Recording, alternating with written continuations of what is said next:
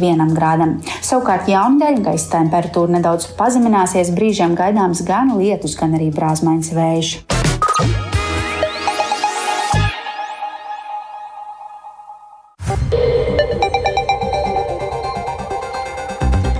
Piecas minūtes pāri 12. skan piekdienas, 14. jūlija ziņu raidījums pusdiena, plašāk skaidrojot šodien būtisko. Studijā Dāca Pēkšēna, esiet sveicināti!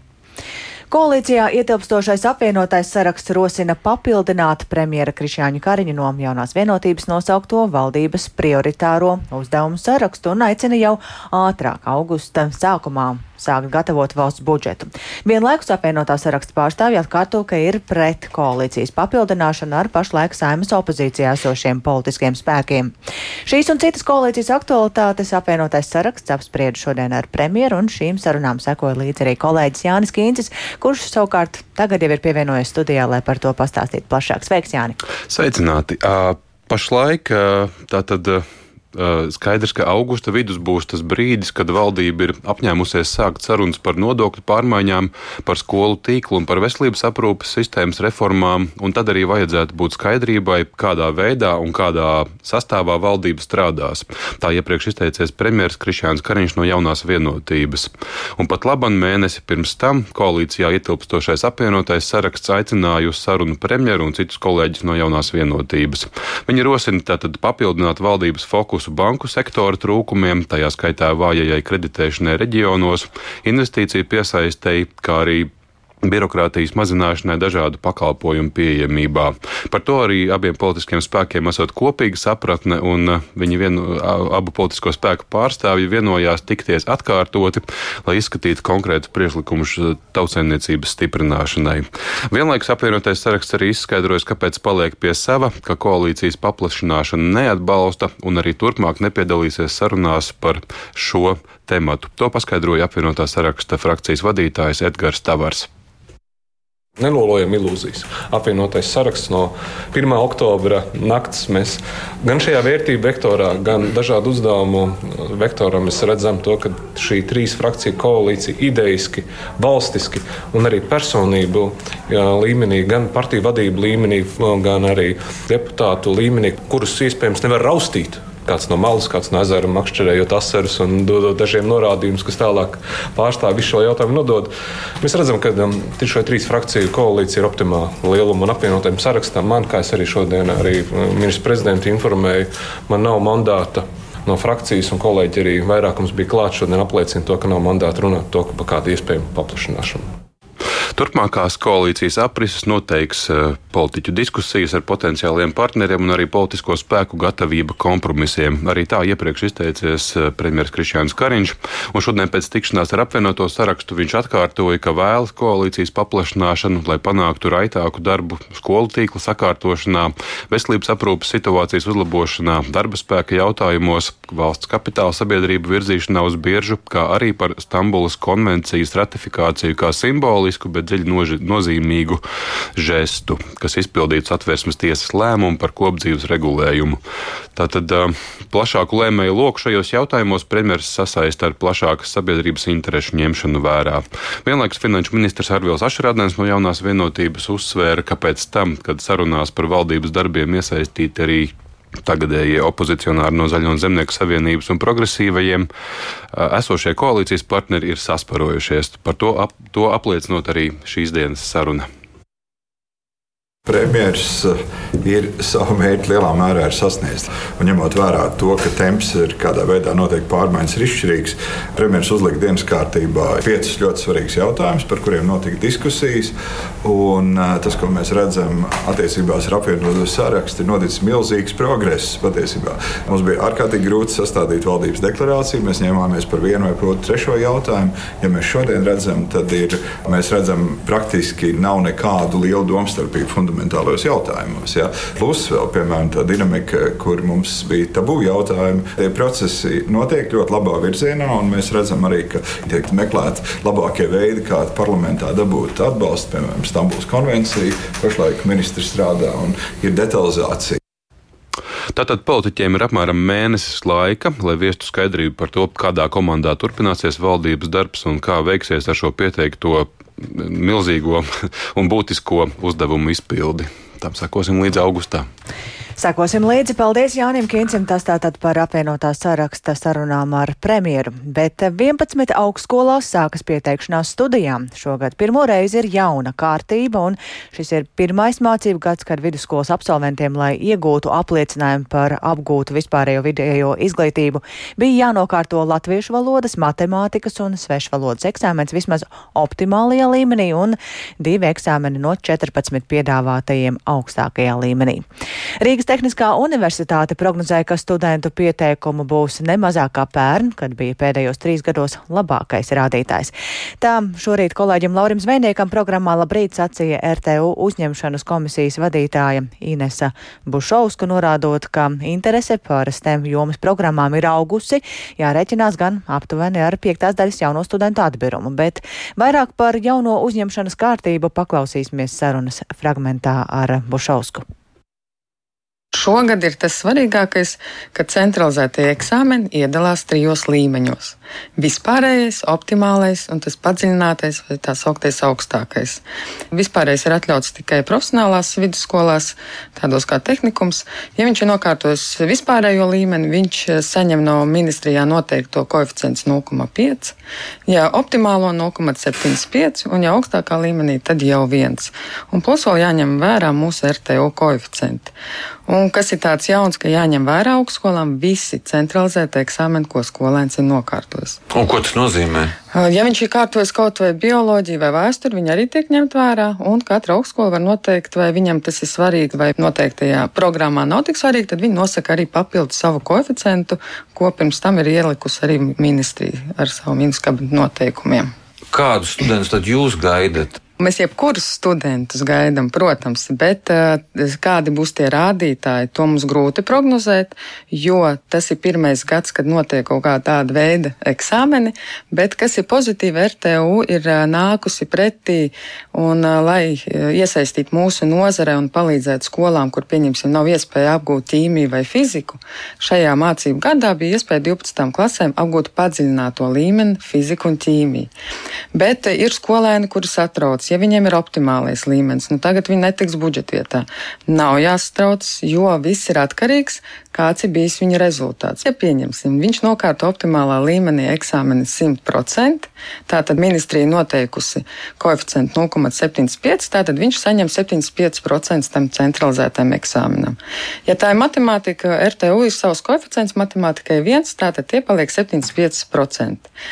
Bet savukārt, ja ir nokārtojis reflektāns skolēns augstākajā līmenī, pieņemsim 70%, tā tad sanāk, ka viņš ir zaudējis optimālā līmenī tam reflektantam. Kas ar tiem, kas skolu beidz pirms gadiem, 10, 20 un vēlās studēt? Katrai augstskolai ir arī pēc ministra kabineta noteikumiem izstrādāt atsevišķu punktu tiem, kas nav kārtojuši centralizētu eksāmenu. RTU tāds ir, līdz ar to viņiem tiek ņemti vērā gada atzīmes trijos priekšmetos obligātajos - matemātikas, svešu valodu, latviešu valodu. Viņi tiek reizināti ar desmit un atkal dots koeficients atbilstoši. Līdz ar to viņiem tiek ņemts vērā atzīmes. Ārzemnieku uzņemšana arī sākās tagad, vai tā ir atsevišķa? Ja runājam par tiem, kas ir ārzemju pilsoņi un vēlas studēt kā ārzemju studenti, viņiem kārtība mazliet savādāk. Viņiem ir iestāja pārbaudījumi noteiktos priekšmetos atbilstoši arī ministra kabineta noteikumiem. Bet viņiem notiek šobrīd jau pieteikšanās no pavasara, jo jānokārto arī uzturēšanās atļaus un citu veidu dokumenti, lai varētu uzsākt studijas šeit. Viņi arī kārto tos iestāja pārbaudījumus. Bet jau šobrīd ir liels rekordskaits pieteikumu. Uz šo dienu bija vairāk kā 3000 pieteikumi, kuri tiek izskatīti, izvērtēti, vai viņi atbilst uzņemšanas noteikumiem, un tie ir vairāk nekā no 100 valstīm. Teikt tālu RTU uzņemšanas komisijas vadītāja Inese Bušovska, bet kā centralizētajos eksāmenos šogad veicies vidusskolu beidzējiem? Valsts izglītības satura centrs ir apkopojis rezultātus par to un plašāk stāstīsim raidījumā pēcpusdiena. Tūkstošiem Holivudas aktieru un ASV televīzijas un radio darbinieku šodien sāka beztermiņa streiku, protestējot pret darba devēju nevēlēšanos nodrošināt labākus darba apstākļus un godīgāku atalgojumu. Industrijā strādājošos satrauc arī straujā mākslīgā intelekta tehnoloģija ienākšana kino un televīzijas nozarē. Kino aktieri ir pievienojušies streikojošajiem Holivudas scenāristiem, faktiski paralizējot miljardiem dolāru vērto nozari. Un plašāk par to dzirdēsiet Ulda Česbera sagatavotajā sižetā. Holivudas aktierus, kā arī televīzijas un radio raidījumu vadītājus pārstāvošā lielākā arotbiedrība Ekrāna aktieru ģilde, Amerikas televīzijas un radio mākslinieku federācija par streika uzsākšanu paziņoja vakar pēc tam, kad bez vienošanās noslēdzās sarunas ar kinostudijām un filmu straumēšanas platformām par godīgāku peļņas sadali. Arotbiedrība pieprasīja lielāku samaksu no straumēšanas pakalpojumiem, kā arī lielāku atalgojumu, lai kompensētu inflācijas izraisīto dārdzību. Papildus algai par padarīto darbu darbu aktieri saņem arī piemaksas par to, ka filmas un seriāli, kuros viņi piedalās, tiek straumēti internetā vai pārraidīti kabeļtelevīzijās. Taču tādi straumēšanas milži kā Netflix un Disney Plus neatklāja datus par skatījumiem un maksā aktieriem vienotu likmi neatkarīgi no skatījumu skaita. Arotbiedrība arī aicināja sniegt garantijas, ka kinostudijas bez aktieru piekrišanas neizmantos viņu digitālos attēlus vai balss ierakstus mākslīgā intelekta ģenerētos produktos. Arotbiedrība paziņoja, ka streiks ir ir galējais līdzeklis, lai panāktu savas prasības, bet organizācijas prezidente Frāna Drešera apsūdzēja kinostudijas un straumēšanas platformas alkatībā. I am shocked! Es esmu šokēta par to, kā pret mums izturas cilvēki, ar kuriem esam kopā strādājuši. Godīgi sakot, es nevaru noticēt, cik ļoti atšķiras mūsu uzskati daudzās lietās. Kā viņi aizbildinās ar nabadzību, ka viņi zaudē naudu pa kreisi un pa labi, lai gan saviem vadītājiem izmaksā simtiem miljonu dolāru. Tas ir pretīgi, kauns viņiem. Viņi ir nostājušies vēstures nepareizajā pusē. History. Kinostudijas un straumēšanas kompānijas apgalvo, ka ir piedāvājušas taisnīgu vienošanos par atalgojuma palielināšanu, taču arotbiedrība to ir noraidījusi. Kompānijas Disney vadītājs Bobs Aigers sacīja, ka kino nozare turpina atkopties pēc Covid-19 pandēmijas izraisītās krīzes, tāpēc šis nav piemērotākais laiks streikam. Viņi no mums sagaida nereālas lietas, un tās tikai palielina problēmas, ar kurām šī nozare jau saskaras, un kas godīgi Godīgi runājot, ir ļoti graujošas.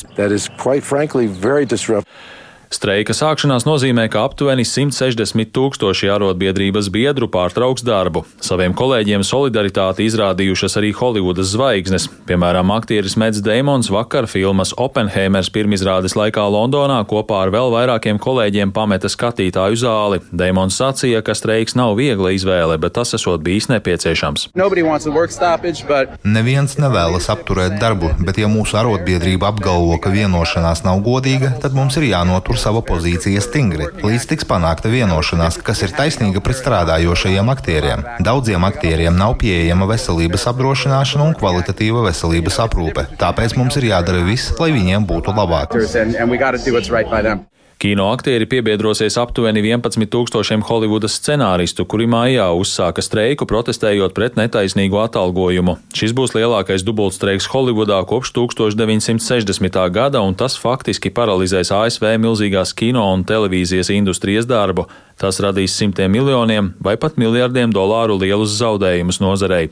Uldis Česberis, Latvijas radio. Nu, tas tātad par streiku, bet eh, iespējams, ka tieši kādam Holivuda ir šī gada ceļojuma ga gala mērķis, vai arī no turienes kāds dodas pie mums. Un, eh, ja reiz runājam par pašmāju turismu, tad eh, gada siltākie mēneši ir laiks, kad ārzemnieki ceļo visintensīvāk, un arī vietējie iedzīvotāji vairāk dodas atpūtas braucienos un ekskursijās pa Latviju. Apmeklē pasākumus, pastaigu vietas un zīmīgus objektus dabā, izmēģina arī kādas aktivitātes. Sevišķi jau nedēļas nogalēs, tādēļ arī cilvēki ir neizpratnē par to, ka dažvieta turisma informācijas centri brīvdienās nestrādā. Un par šo tēmu tad ir vairāk interesējusies kolēģis Santa Adamsona, kura šajā brīdī man ir pievienojusies studijā. Sveika, Santa! Nu, pirmajā momentā gribas teikt, nu, kad tad turismu centriem jāstrādā, ja ne brīvdienās? Nu, sveiki, loģiski jau gribētu domāt, ka tiem ir jāstrādā visu laiku, bet uh, par šo tematu tā ierosme ir no tā, ka nesen ar kolēģiem pamanījām uh, Valkas novada turisma un informācijas biroja ierakstu sociālā mēdījā Facebook kurā birojas cilvēks informējas par darba laika izmaiņām. Tajā vēstīts, ka no jūnija vidus līdz septembra beigām, tātad šajā turismu sezonā, birojas darba dienās strādās līdz pieciem pēcpusdienā, sestdien līdz diviem dienā, bet svētdien ir brīva. Es biju valkā un pavaicāju arī pilsētā satiktajiem cilvēkiem, ko viņi par to domā, un paklausīsimies dažus viedokļus. Ko jūs domājat par to, ka nestrādā turisma centrs svētdienā? Nu, arī viņam vajag atpūsties. Man liekas, ka svētdien viņam vajadzēja strādāt, tomēr brīvdiena un cilvēki braukā tepat Igaunijā blakus. Nu, Igauni maz ko zina par šo galu. Būtu labi jāstrādāt. Man tas šķiet. Nu jā, tad bija vairāki viedokļi, ka tomēr uh, novada attīstībai tas būtu svarīgi, turisma centra uh, nu, pieejamība. Bet uh, turpat vēl kā guva arī atbildi tam, kādēļ tā ir, kādēļ ir šādas darba laika izmaiņas. Valks novada turisma un informācijas birojā man stāstīja, ka darbīgākās dienas tur ir trešdienas, ceturtdienas, piekdienas un sestdienas. Izmaiņas darba laikā esot noteiktas ņemot vērā turisma monitoringa datus, kurus regulāri veicot birojas. Un tad uh, birojas arī esot apspriedies ar kolēģiem Igaunijā un Latvijā. Paklausīsimies fragmentu no sarunas ar biroja vecāko speciālisti Lauru Krastiņu. Cik tie būtu nu, vidēji dienā cilvēki, kurus nākas apkalpot? Svētdienās tieši. Jā. Nu, pēc monitoringa mēs varam spriest, ka tas ir viens cilvēks, divi cilvēki. Ir svētdienas, kad nav neviena. Bet uh, ir arī tādi, jā, kuri iepriekš jau noskaidro informāciju, un, un arī pasaka, jā, nu, ka mēs noskaidrojam informāciju, tad mēs dosimies svētdien, bet mums visa informācija ir, un, un tad mēs patstāvīgi dosimies aplūkot pilsētu. Tādu ir vairāk, tādu ir daudz vairāk, kuri tiešām plāno un iepriekš jau sagatavošot informāciju, un tad uh, sazvinās ar mums vai arī e-pastā sazinās. Tādu ir daudz. Jā, tāds lūk, pamatojums, skaidrojums no um, turisma informācijas biroja Valkā. Bet jāpiemina, ka Valka nebūtu nav vienīgā. Es ieskatījos uh, kopā 35 novadu pašvaldību mājaslapās, lai noskaidrotu, kāda ir darba laiki citos turisma centros, birojos, punktos, kā, nu, kurā vietā to dēvē. Uh, saskaitīju, ka vismaz desmit novadu centra turisma izziņas vietās nes, nestrādā visu cauri nedēļu. Tie darba laiki patiešām dažādi ir, kur nestrādā gan sestdienā, gan svētdienā. Un jāņem vērā arī tas, ka ir lieli novadi, kur ir daudz pagastu, un tad kādā pagastā strādā, kādā nestrādā, tiešām ļoti dažādi. Bet par šo kopējo, uh, tādu kopēju komentāru par to man uh, sniedz arī pašvaldības savienība un viedoklis par sistēmu kā tādu un par uh, turisma centru pieejamību un darba laikiem ir arī Lauku turisma asociācijā, bet par to tad es pastāstīšu pēcpusdienām. Jā, paldies, Tajā Adamsonē. Tātad gaidīsim tevi raidījumā pēcpusdienā un arī uzzināsim, vai tiešām arī citos turismu informācijas centros tiešām sestdienas vēdiena nav tie aktuālākie apmeklējuma laiki. Bet eh, pirms pāris stundām lidostā Rīga ir atklāts heliports jeb helikopteru nosēšanās laukums, un eh, šajā brīdī esam sazinājušies ar lidostas komunikācijas vienības vadītāju Lauru Kulakovu. Jā, labdien! Sveiki, sveiki, labdien! Es saprotu, ka jūs tieši šajā brīdī esat šajā heliporta laukumā, un jau pirmais helikopters tikko ir pacēlies, es tā saprotu. Jā, tieši tā. Tikko, tikko ir noslēdzies svinīgās atklāšanas pasākums, un pirmais helikopters Nacionālo bruņoto spēku Black Hawks kas bija pie mums nosēdies par godu atklāšanai, ir arī aizsmeļīgi aizlidojis un devies atpakaļ uz savām mājām Lielvārdē. Tā kā, ja ir trokšņi un vējš fonā, piedodiet. Tas viss pie lietas piedaras, bet par šo, protams, tas ir būtisks ieguldījums lidostas infrastruktūrā, bet kā bija līdz šim? Tas nozīmē, ka lidostā helikopteri līdz šim vispār nevarēja nosēsties, nevarēja uzņemt. Kā tas notika līdz šim? Uh, lidosta varēja uzņemt helikopterus, bet tā ļoti būtiskā un ārkārtīgi nozīmīgā atšķirība, ko dod mums šis īpaši specializētais uh, heliports, uh, kur ir gan nosēšanās laukums, gan arī stāvvietas, tas nozīmē, ka helikopteru satiksme lidostā var notikt paralēli un netraucējot pārējo gaisa kuģu, komerclidojumu, civilo lidojumu, pasažieru lidojumu, kravu lidojumu satiksmi. Līdz šim bija tā, ka ja lidostā gribēja noslēgties helikopters, tad vai nu tam bija jāgaida, kamēr nosēžās lidmašīnas, vai arī otrādi lidmašīnām bija jāgaida, kamēr ir nosēdies helikopters. Šobrīd šie procesi varēs notikt paralēli, un kā mēs paši savā iekšienē uh, jokojam, tad faktiski mēs esam atklājuši vēl vienu skrejceļu lidostā tikai vienam specifiskam gaisa kuģu veidam uh, helikopteriem. Tas nozīmē, ka jums arī pašā lidostā bija jāpārplāno visa šī darbība, lai varētu paredzēt arī helikopteru nosēšanos. Un vai vispār arī nevajadzēja apmācīt papildus personālu, kādu papildu darbinieku pieņemt? Uh, pieņemt papildus darbiniekus nē, bet uh, tas tiešām prasīja lielu ievērojumu darbu sadarbojoties lidostai, uh, Latvijas gaisa satiksmes vadības cilvēkiem, civilās aviācijas aģentūrai, lai izstrādātu visas šīs procedūras, kādas ir jāievēro. Uh, Eh, lai šī paralēlā gaisa kuģu un helikopteru satiksme būtu tiešām droša, lai, lai, lai tas viss notiktu uh, atbilstoši uh, visiem lidostu drošības standartiem. Un tajā skaitā, protams, tas nozīmē arī papildus apmācības gan mūsu darbiniekiem, gan arī pilotiem, helikopteru pilotiem, uh, lai viņi zinātu, kādas šīs procedūras ir un uh, kā tās jāievēro. Un visiem, visiem iesaistītajiem. Jā. Tas bija ļoti ilgs un sarežģīts uh, process īstenībā. Jā, tas nozīmē, ka šajā brīdī es no jūsu teiktā sapratu, ka mm, paralēli tas viss varēs notikt lidmašīnu kustībai. Jā, tieši tā. Jā. Tā ir tā, tā, tas ir tas būtiskais iegūms, kas īpaši svarīgs ir. Nu, šis laukums uh, pa, pamatā ir domāts uh, glābēju helikopteriem, uh, militāriem helikopteriem, Nacionālo bruņoto spēku un arī dzen, ātrās palīdzības uh, helikopteriem, uh, ārkārt, reaģēšanai ārkārtas situācijās.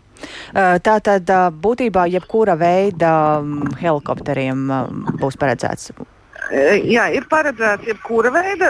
Es jau nosēsties šajā laukumā, var jebkura veida helikopteri, bet uh, primārais mērķis, kāpēc, uh, kāpēc šis laukums tika izbūvēts, ir tieši, lai varētu apkalpot uh, uh, šos te, NBS helikopterus. Uh, ātrā, ātrās palīdzības, katastrofu medicīnas un uh, glābēju helikopterus. Tas ir primārais, bet kā ar privātiem tie arī principā varēs? Uh, jā, uh, tas ir iespējams, bet uh, vēlreiz uzsveru, jā, ka, ka tas, tas, tas galvenais mērķis ir tieši glābšanas dienesti un mediķi. Bet privātiem ir interese vispār šobrīd. Esat tādu izjutuši? Uh, nu, mēs diezgan daudz arī līdz šim esam uzņēmuši, tā skaitā arī privātos uh, helikopterus lidostā Rīga. Es pieļauju, mēs pieļaujam, jā, ka tas varētu būt interesanti arī privātajiem. Mm, droši vien uh, tas ir vairāk nākotnē, bet nu, tāds konkrēts grafiks pagaidām nav, nav, nav paredzēts. Ja? Jā, nu, jebkurā gadījumā, kā jau minēju, primārais mērķis tomēr ir valsts un ārkārtas dienesti. Jums ir kāda aprēķina, aplēses par to, nu, cik bieži varētu būt šis pieprasījums, nu, īpaši, ja mēs runājam par civilo aizsardzību, katastrofu medicīnas vajadzībām. Protams, tās lietas nevar īsti prognozēt, un tomēr. Jā, tieši tā, to ir tiešām grūti prognozēt, bet uh, tas, tas galvenais ir tas, ka šāda iespēja vispār ir. Jā, tas, tas ir tas būtiskais. Un kā šodien arī atklāšanas pasākumā teica, uh, neatliekamās eh, medicīniskās palīdzības dienesta priekšniece Liena Cipule, tad uh, viņiem šis ir ļoti nozīmīgi situācijās, ja ir jānogādā mediķi uz kādu vietu vai orgānu donoru.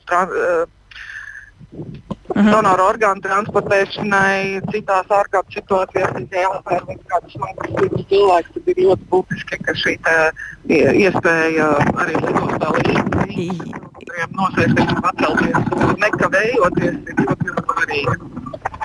Jā, un pavisam īsi, vai jūs varat atklāt, cik izmaksāja šāda heliporta izveide? Jā, heliportu mēs esam izbūvējuši ar kohēzijas fonda atbalstu un arī ar savu līdzfinansējumu. Kopējā summa ir 3,2 miljoni eiro. Paldies! Mēs sarunājāmies ar um, Lidostas komunikācijas vienības vadītāju Lauru Kulakovu. Un ar to arī šajā brīdī izskan raidījums pusdiena. Producenta Ilza Agīnta ierakstus montēja Uldis Grīnbergs. Par labskaņu rūpējās Īveta Zvēniece un ar jums sarunājās Dāca Pēkšēna. Vēl īsi par būtiskāko apvienotais saraksts piedāvā paplašināt um, premjera pieteiktās prioritātes, um, aizvien iebilst pret koalīcijas paplašināšanu. 11 augstskolās sākas pieteikšanās studijām un tūkstošiem Holivudas aktieru un ASV televīzijas un radio darbinieku šodien sāka beztermiņa streiku. Ar to izskan raidījums pusdiena. Mēs tiekamies nedaudz vēlāk raidījumā pēcpusdienā.